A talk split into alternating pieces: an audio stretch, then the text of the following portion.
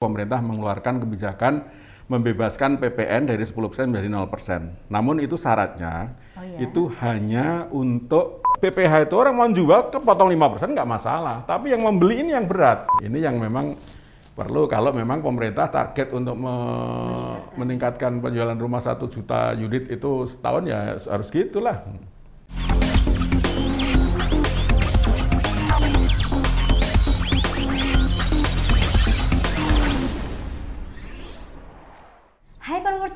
Semangat pagi. Saya dengan Linda Tong dari Century 21 Indonesia. Selamat bergabung di acara podcast C21. Dan tentunya saya tidak sendiri di hari yang istimewa ini. Saya bersama salah satu member broker kami di daerah Jakarta Selatan dengan Bapak Samto Pramono. Baik, terima kasih Mbak Linda. Nama saya Samto Pramono, saya sebagai member broker Senturi 21 Excellent. Eh, kantor kami untuk perusahaannya itu berada di Gedung Talapera. Okay. Namun untuk kantor operasional kami berada di Cinere. Kebetulan saya juga menjabat sebagai Ketua DPC Arebi Jakarta Selatan. Kurang lebih sudah berapa lama nih Pak kantornya Pak? Uh, kantor kami buka di tahun 2015 awal, ya. sehingga sudah lebih kurang enam tahun. Dan kalau sebagai ketua DPC Arebi, saya sejak tahun 2019. Wah sudah ya, lama ya, ya Pak Dua ya? tahun lah. Gitu. Dua Sebelumnya tahun, ya. sebagai uh, apa pengurus biasa.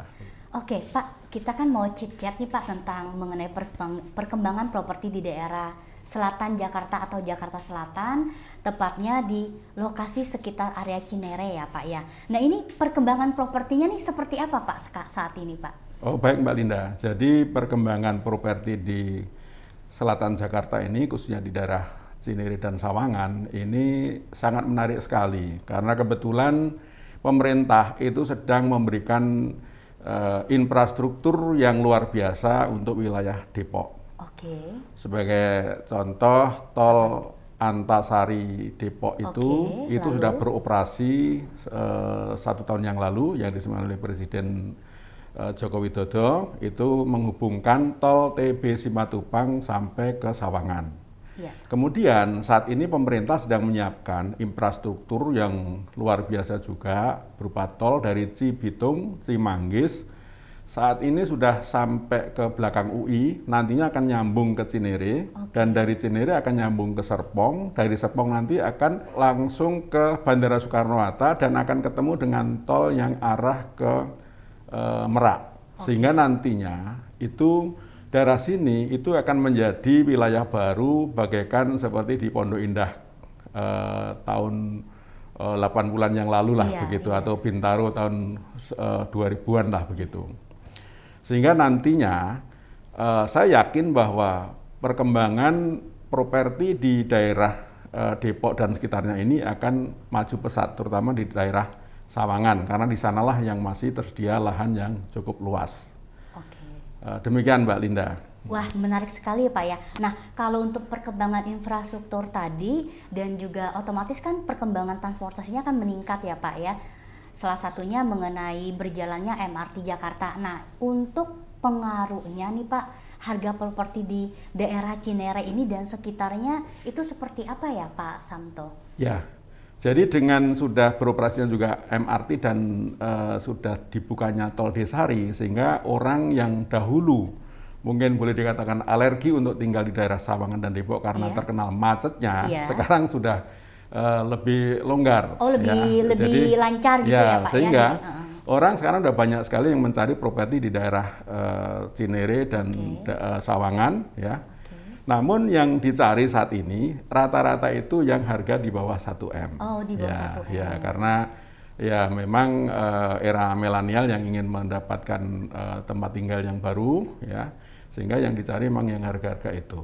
Oh gitu. di bawah 1 m e, minimalnya berapa tuh Pak? Ya jadi malah saat ini kami itu banyak permintaan itu yang harga memang lebih kurang yang 300 jutaan. Oh 300 jadi juta sampai dengan 1 m Mbak? Ya, ya jadi kebetulan kami juga menangani proyek yang berada di daerah Cilodong sana. Okay. Itu yang tiap hari banyak eh, melayani para eh, calon customer, walaupun juga masih ada yang sifatnya tanya-tanya, ada juga yang deal eh, itu di daerah sana. Lah, karena yang ada di eh, Sawangan dan di daerah Cinere itu yang harga-harga 300 itu malah belum ada. Oh, oke. Gitu. Sedangkan itulah sebetulnya yang lagi banyak diburu oleh kaum kaum milenial. Eh, dari kebutuhannya 300 juta itu bisa terpenuhi nggak tuh Pak menurut Bapak? Karena kebutuhannya itu sangat banyak, tentunya mungkin kalau ada nanti developer baru yang mengembangkan di daerah Sawangan atau dan daerah eh, Cinere itu akan menjadi pasar baru bagi Iya. para milenial. Karena tadi itu sudah ada kemudahan. Jadi kalau nantinya tol itu sudah optimal, berarti jalan Cinere Raya ini sudah akan ringan bebannya. Iya. Sehingga untuk menuju ke stasiun MRT yang ada di Lebak Bulus mau Nimawati sudah agak ringan. Udah lebih ya, lebih mudah. Lebih terjangkau lah untuk Betul lokasinya sekali, ya Pak. ya, ya. Pak, ini kan eh, pemerintah sangat mendukung sekali ya. Eh, tadi infrastruktur, lalu adanya MRT gitu dengan harapan properti terjadi peningkatan, Pak. Tapi menarik sekali, belum lama ini juga pemerintah mengeluarkan peraturan baru supaya eh, propertinya makin meningkat yaitu PPN. Nah, ini 0%. ini menurut Bapak regulasi konsumen untuk mendapatkan keringanan eh, seperti itu bagaimana sih Pak caranya? Mungkin bisa Bapak jelaskan detailnya dan kebijakan atau syaratnya seperti itu. Ya, baik Mbak. Jadi kebijakan pemerintah itu sangat eh, menunjang sekali sebetulnya untuk mendorong kepada masyarakat, terutama kaum milenial, untuk bisa mendapatkan tempat tinggal berupa rumah. Maka dari itu pemerintah mengeluarkan kebijakan membebaskan PPN dari 10% menjadi 0%. Namun itu syaratnya Oh iya. itu hanya untuk rumah yang eh, ready stock. Oh, Lah, yang menjadi ready masalah stock. saat ini, yang ready stock itu relatif tidak banyak karena Oke. umumnya developer itu menjual walaupun dengan harga 300 juta itu semua inden. Oh. Indennya itu paling cepat tuh 18 bulan untuk developer, tapi kalau untuk developer yang kecil perorangan tuh bisa enam bulan sampai satu tahun lah begitu. Oke. Jadi itu Iya. sayangnya memang kebijakan itu baru diarahkan kepada eh, untuk rumah yang ready stock. gitu. Yang sudah ready stock tadi, ya, ya. untuk harga di bawah 2 miliar. Kalau Oke. untuk yang 2 miliar sampai 5 miliar itu eh, diberikan keringanan 50%. 50%. Dan sayangnya ini tidak eh, tidak eh, diberlakukan juga untuk yang inden. Kalau yang Oh, inden juga oke. diberlakukan, barangkali ini akan Meningkatkan sangat lagi mendorong ya, kepada ya. Eh, para eh, milenial atau yang membutuhkan tempat tinggal. Walaupun mungkin ada syaratnya ya, itu mungkin hanya untuk yang eh, pertama kali ya, pemilikan pertama. Tapi yang kedua, ketiga barangkali tetap berlaku seperti biasanya. Begitu, Iya. Mbak. Oke, wah ini pengetahuan yang luar biasa Pak ya. Jadi kan Hmm. lebih update seperti itu mengenai PPN 0%. Iya. Pak, selama setahun ini kan kita mengalami pandemi ya Pak ya. Iya. Nah, bagaimana sih Pak dampak pandemi ini dalam daya beli masyarakat eh, membeli properti Pak? Eh, tidak bisa dipungkiri ya, dampak dari pandemi ini kan mengenai semua lini bisnis di seluruh dunia. Betul, betul. Tidak hanya di properti ya, terutama lebih-lebih eh, terkait dengan eh, dunia pariwisata, apakah Iya. itu penerbangan, Iya. perhotelan, dan lain sebagainya itu yang sangat terpukul pertama dan mungkin kembalinya pun yang terakhir. Iya. Nah, kemudian properti ini juga sedikit banyak juga masuk ke eh, arah itu juga. Jadi memang tidak bisa dipungkiri harga properti selama pandemi ini juga mengalami penurunan. Oke.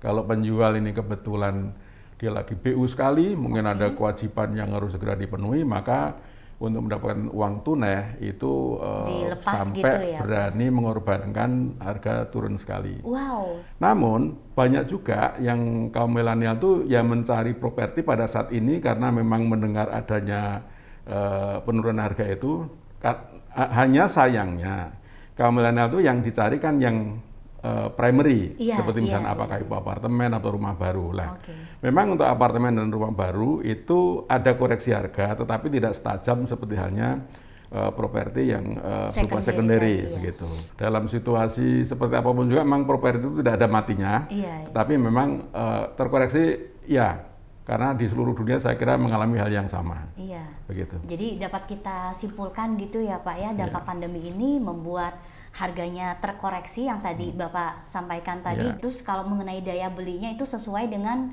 kebutuhannya Pak ya. Jadi Ya, kalau misalkan betul. pas pembelinya mau sekian, terus Ya. penjualnya dapat sekian ya itu otomatis Ya. pengaruhnya tetap. Tapi intinya berarti kebutuhan itu tetap ada Tetap ada, intinya, ya. daya belinya Hmm. tetap ada. Ya, walaupun memang banyak juga masyarakat yang saat ini masih eh, ingin memegang uang tunai.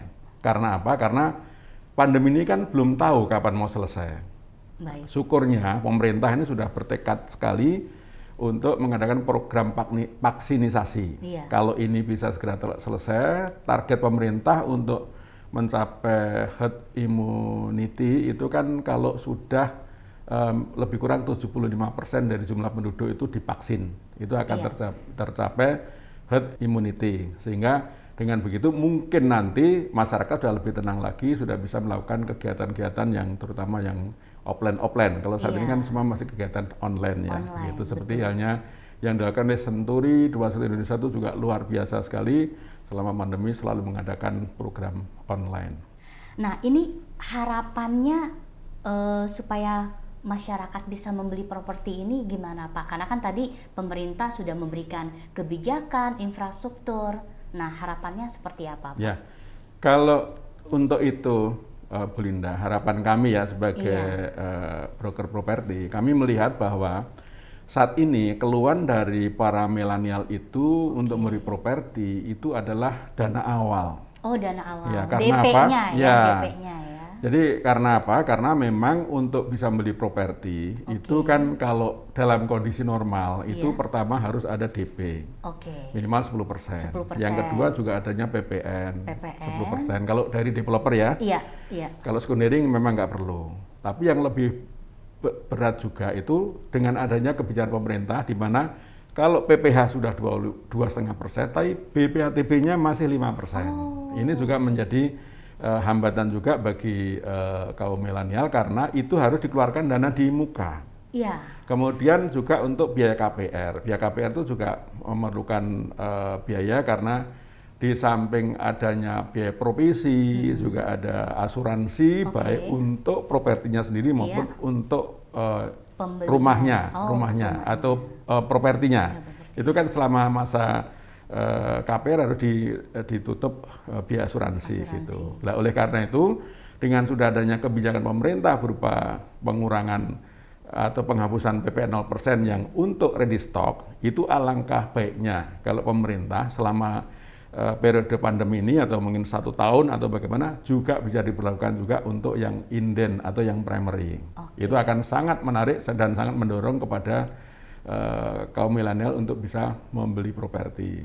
Di samping itu juga ada baiknya kalau dalam hal ini pemerintah itu bisa juga meninjau, misalkan untuk eh, yang sudah diberlakukan oleh pemerintah daerah khusus DKI pernah mengeluarkan kebijakan bahwa untuk pembelian properti pertama dengan harga NJP di bawah 2 miliar itu dihapuskan atau dibebaskan dari BPATB. Itu apabila diberlakukan untuk secara nasional, barangkali itu akan sangat menolong kepada kaum milenial untuk bisa eh, mempercepat untuk pembelian properti. Kalaupun tidak dihapuskan, paling tidak disamakan besarnya dengan eh, PPH, karena itu juga merupakan faktor yang eh, menjadi pemberat bagi si kaum milenial untuk bisa mendapatkan properti ya. yang baru. Demikian Mbak, ke- eh, lebih kurangnya begitu. Oke, baik. Nah, ini nih Pak, eh, kantor Bapak kan beroperasi di Cinere, Pak. Nah, ini potensi dari masyarakat yang ingin berkarir menjadi agent properti di Century 21 Excellent ini seperti apa, Pak? Silakan Pak, sampai. Oh baik Mbak. Jadi kalau ada masyarakat yang ingin berkarir sebagai marketing properti di daerah sini itu sangat mudah. Cukup eh, datang ke kantor kami untuk eh, mendaftarkan diri, walaupun nanti kami juga akan melakukan interview. Iya. Alasannya apa untuk bisa menjadi marketing properti itu? Karena memang marketing properti itu adalah kelas marketing yang paling tinggi. Ada beberapa faktor yang memang harus dikuasai. Oke. Nah, oleh karena itu kalau bergabung kepada Senturi 21 eh, Excellent Cinere ataupun Senturi 21 Indonesia ini adalah sangat tepat karena apa? Karena Senturi Indonesia 21 Indonesia itu menyelenggarakan pelatihan yang eh, bagus dan profesional. Di samping itu juga ada program-program apalagi selama pandemi ini diadakan online yang satu minggu sampai tiga kali, okay. yaitu 21 minute walk, walk out itu sangat bagus sekali dan apabila semua uh, marketing itu mengikuti dengan oh, baik ya, maka itu. akan akan sangat mudah untuk bisa menyesuaikan diri iya, sebagai iya. marketing yang profesional. Di samping ditunjang dengan adanya aplikasi yang sudah disediakan oleh Senturi 21 Indonesia yaitu 121. Wah, itu sangat mantap. luar biasa. Saya sudah compare dengan uh, yang lain sepertinya okay. belum ada yang sebaik seperti yang kita miliki. Nah ini sangat menolong dan menunjang kepada para marketing yang baru nantinya untuk bisa mempercepat proses closing. Karena apa? Karena apabila dia aktif menggunakan aplikasi itu akan mudah untuk mendapatkan listingan dari sesama marketing dalam satu kantor maupun kantor lain untuk memenuhi kebutuhan dari customernya. Saya kira itu Mbak yang bisa kami sampaikan. Wah, mantap. Nah, dari obrolan kita hari ini ya, podcast hari ini, kita bisa belajar bahwa potensi untuk daya beli masyarakat itu masih ada dan e, khususnya di daerah Jakarta Selatan tepatnya di Cinere. Lalu juga untuk daya beli yang tadi sudah kita sampaikan ngobrol-ngobrol itu masih ada tentunya. Nah, ini juga mungkin rekan-rekan di sana jangan lupa kalau mau bergabung dengan kantor Bapak Samto untuk segera ke kantor Century 21 Excellent yang berada di Cinere. Wah, terima kasih ya, Pak Samto untuk ya. sharing hari ini. Bagi masyarakat yang ingin bergabung dengan kami, silakan datang ke kantor kami di Jalan Cinere Raya, Blok D nomor 9 Cinere. Nomor teleponnya 021 754 9888. Sangat mudah untuk diingat. 754 9888. Mantap. Baiklah, terima kasih Property People yang sudah bergabung di acara podcast C21 hari ini.